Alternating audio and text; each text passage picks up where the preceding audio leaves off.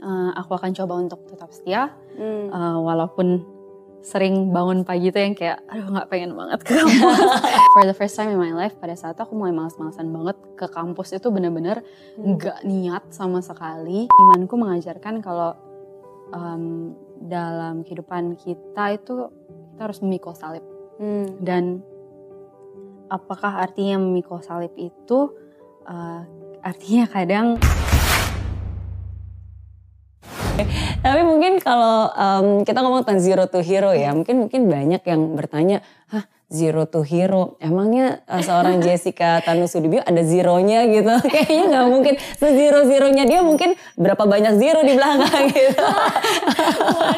Iya, tapi I always believe, maksudnya setiap eh, orang tuh pasti punya punya struggle-nya sendiri kan, punya zero moment, punya titik terendahnya sendiri. Eh, kalau buat Jessica, what is your zero moment? Pernah nggak sih merasa kayak gagal, rendah, dan seterusnya? ya Hmm.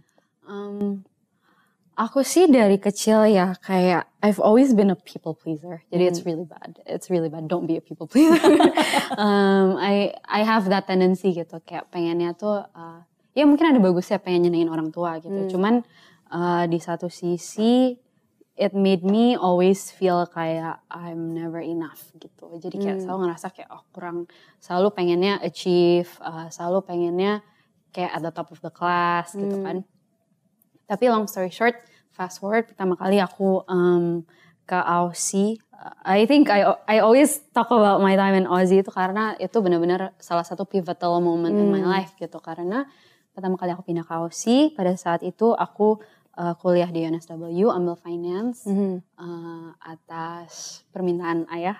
Karena aku kan anaknya indecisive gitu kayak aku ambil apa ya? Gitu. Oh you're good at math go take finance. Oke so I took finance. Tapi in that one year gitu kayak di my finance classes itu I really felt like it was meaningless gitu. Uh, pada saat itu aku juga pertama kali mulai pelayanan di gereja gitu. Karena sebelumnya kalau di Indo itu em, kalau misalkan ke gereja sama keluarga itu agak beda ya jadi karena kita datang sebagai keluarga datang pulang datang pulang Iya. udah gitu aja gitu cuman pas aku pertama kali pindah ke Aussie itu aku mulai terjun ke dunia pelayanan uh, particularly at that time aku pelayanan youth gitu. Oke. jadi banyak anak-anak uh, SMP SMA gitu Uh, dan pada saat yang bersamaan itu di kelas finance aku ini kan di kelas finance tuh diajarinnya apa sih? Maximize profit cut cost. Always. That's just the goal. Uh, tapi aku kayak rasa kayak aduh ini kok kayaknya kita belajarnya like how to make yourself more wealthy. In in essence tuh kesannya itu yang diajarkan gitu kan. Dan aku ngerasa kayak terus apa gitu kayak then what kalau misalkan kita have so many zeros di belakang nam- kayak nama kita gitu kayak then what gitu jadi I really felt empty Hmm. Uh, dan pada saat itu aku ya I would say it's an existential crisis gitu aku mulai kayak mikirin apa sih arti hidup yang sesungguhnya gitu kan Umur berapa waktu itu? 16 17 16, 17, oke. Wow. ya eh, ya pokoknya aku kayak ngerasa kok kosong banget ya kalau Iya. misalkan hampa gitu kalau dalam bahasa Indonesia yang baik dan benar itu hampa, Hampa. gitu bener-bener hampa banget gitu kayak ngerasa kalau misalkan tujuan hidup itu cuma untuk eh, mendapatkan kesuksesan material itu nggak nggak sama Hmm. sekali eh, fulfilling gitu Hmm. jadi aku mulai malas-malasan. Tuh jujur kayak for the first time in my life pada saat itu aku mulai malas-malasan banget ke kampus itu bener-bener nggak niat sama sekali. Uh, tiap kali di kelas aku kayak zong gitu kayak kayak nggak gitu dengerin lecture-nya. Saya kayak aduh ini nggak nggak berarti sama sekali Iya. gitu.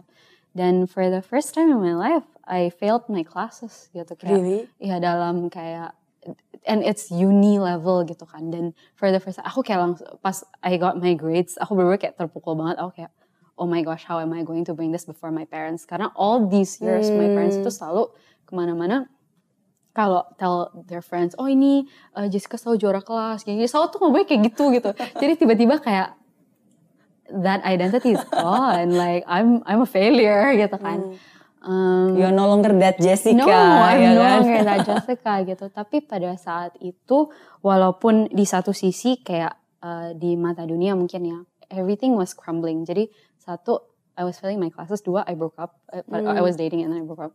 Um, and tiga, kayak I really lost like just uh, gimana ya? Itu actually masa di mana aku juga mencoba mm, distance myself dari keluarga. Hmm. Karena aku nggak suka diasosiasikan dengan um, ya material wealth itu sendiri. gitu. Hmm. Um, tapi di satu sisi di masa itu di mana aku ngerasa benar-benar kok semuanya ini hampa, kok kayak aku lost banget gitu. Hmm.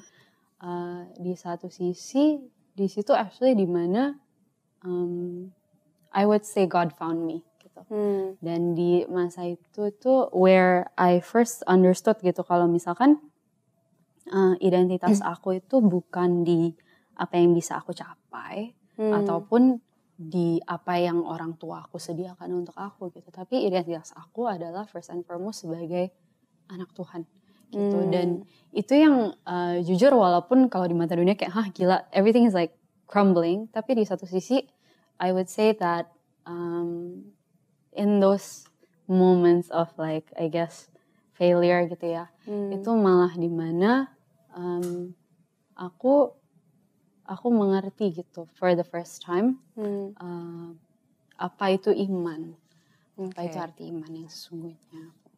Wow. And sometimes memang bener ya kalau kata orang bilang in crisis justru ya kita menemukan identity kita yang sebenarnya. Yes. Karena in crisis justru kita malah malah apa ya dipaksa untuk berpikir wah everything else is crumbling down gitu. So what's left? Bener gak sih? Iya.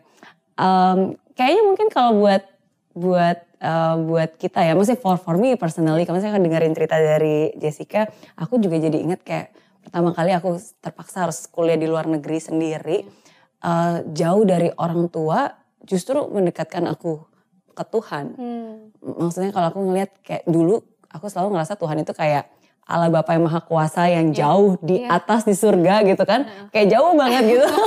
Iya iya iya. Tapi benar. it's like um, ya itu ke- maksudnya jauh dari orang tua membuat aku merasa bahwa ya itu jadi kayak teman curhat, jadi jadi teman ngobrol bahwa dia tuh ya, ya teman ngobrol biasa aja gitu yang yang yang bisa jadi listening ear gitu. Yes yes. Ya, tapi tapi for you to experience that in such a young age berarti waktu itu belum nyampe 20 juga belum dong. Bener nggak? Kayak teenager. 17 ya.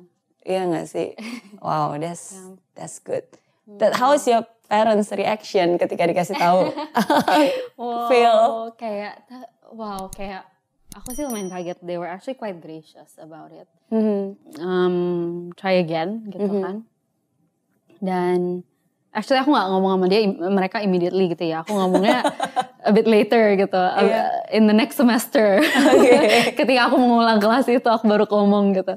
Tapi mereka kaget lah, kayak mereka kaget tapi uh, reaksinya nggak seperti yang aku expect. Aku kira mereka bakal kayak marah gitu kan, Hmm. kayak what gitu. Kamu nyanyi in your time there. Tapi reaksi mereka nggak seperti itu, and mereka understanding sih, which for me also was part of mungkin that point of realization gitu. Kalau misalkan identitas aku bukan Hmm. dalam achievement aku juga gitu. Hmm, Oke, tapi apa yang membuat kamu um, tetap mau continue? Iya, Karena iya. kan aku bayangin, maksudnya buat anak-anak remaja, sometimes kayak, oke once we know ourselves, terus kita merasa bahwa, oke this is what I want, Iya. gitu. And, and dan yang misalnya kayak contohnya finance, this is not me, gitu kan. Eh, ya saya punya hak dong untuk memilih apa yang saya mau. Kenapa saya harus mengikuti sesuatu yang pada saat itu saya sadar bahwa itu bukan pilihan saya, gitu. Maksudnya you have a choice Yes. bahwa kamu bisa aja, ya udah saya nggak mau deh ganti yang lain gitu kan. Tapi you still continue, right? Mhm. Sebenarnya salah satu hal yang bikin aku kayak nggak niat sekolah at the time itu karena tiba-tiba kayak desire aku tuh mengalih gitu. Yang tadinya eh, pengen nyenengin orang tua dengan memberikan mereka nilai yang baik gitu. Eh, pada saat itu tiba-tiba aku pengen sekolah teologi. Oh iya. Eh, iya. Tapi yang yang itu belum selesai Um, kan? Belum. Oke, yang Jadi aku tuh kayak benar-benar aduh kenapa? Eh, pengen banget drop out gitu. Pengen banget pengen banget. Itu I was literally at the brink of dropping out um, sampai udah beberapa kali itu ngomong sama pendeta aku at that time Duh, kayak aku pengen drop out aja gitu kan aku pengen sekolah Alkitab aja. Cuman eh, salah satu yang aku diingatkan gitu berkali-kali itu just be faithful be faithful in the little things. Uh, dan aku tuh berkali-kali kayak aduh kenapa sih harus ini kayak ini benar-benar out of my kayak bukan keinginan aku gitu kan tapi uh, salah satu hal yang aku selalu diingatkan adalah imanku mengajarkan kalau um, dalam kehidupan kita itu kita harus memikul salib Hmm. dan apakah artinya memikul salib itu uh, artinya kadang you have to do things you don't wanna do Hmm. tapi uh, pada saat itu specifically um, aku belajar untuk setia sih gitu aku belajar oke emang ini bukan keinginan aku cuman uh, aku akan coba untuk tetap setia Hmm. Uh, walaupun sering bangun pagi tuh yang kayak aduh nggak pengen banget ke kampus tapi ya udah belajar setia aja gitu Oke. Uh, dan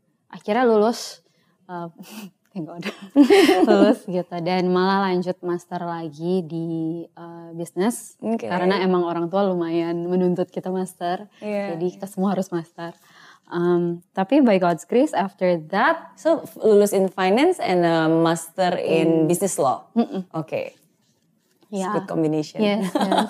Uh, people say that apparently. So that's good.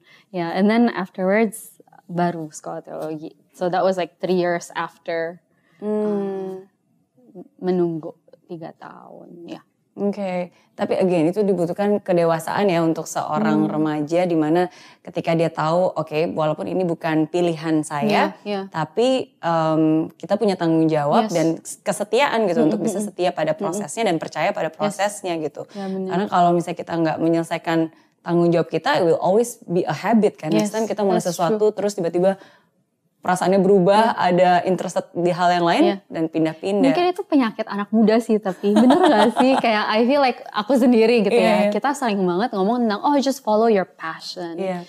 Uh, do what you're passionate about gitu kan. You do you gitu kan. Kesannya selalu orang ngomong gitu. Padahal Iya. sebenarnya itu itu penyakit anak muda sih yang kayak kita uh, nggak bisa diam dan setia di satu tempat yang udah dipercayakan Betul, kita betul. gitu. Eh, Betul. I seneng untuk bisa dengar itu dari seorang anak muda, milenial juga. Because I keep telling, Iya, bener kan aku selalu keep telling them gitu. Maksudnya yes of course it's good to if we know our passion is good. Uh, bahkan bersyukur banget kalau Iya. kita udah tahu apa passion kita. Tapi maksudnya buat anak-anak muda tuh kita jangan sampai mengatasnamakan passion Iya, di atas segalanya sehingga itu membuat kita manja Bener. gitu. Maksudnya kayak kenapa begitu lulus belum kerja? Kenapa belum kerja? Ya belum ketemu yang sesuai passion gue gitu kan. Terus kerja di sebuah perusahaan semuanya udah oke. Kenapa ogah-ogahan? Ya nggak sesuai dengan passion gue gitu kan. Jadi kayaknya apa-apa mengatasnamakan passion gitu atas kemanjaan kita dan um, dan ya dan itu. Tapi menurut saya makanya saya selalu bilang uh, it's about being responsible.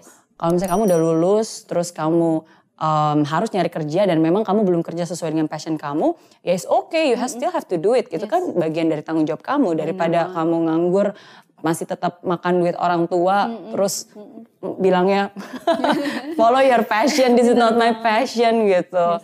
Iya, setuju dong berarti. Setuju banget. Yeah, I'm happy. iya, soalnya for example kayak tren anak muda juga zaman sekarang itu kan dari satu pekerjaan pindah ke yang lain tuh cepat banget kan. Iya, Karena iya.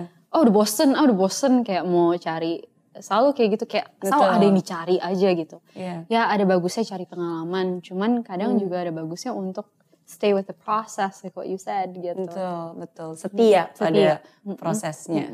Oke.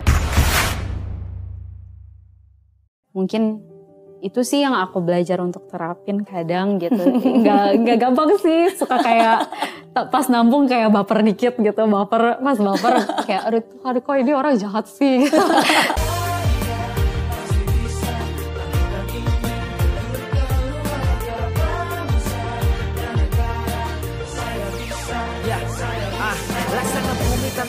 hujan, hidup tanpa tujuan, kering dan mati tanpa hijaunya tumbuhan. Ah, demikian kalau mimpi tak kunjung terjadi.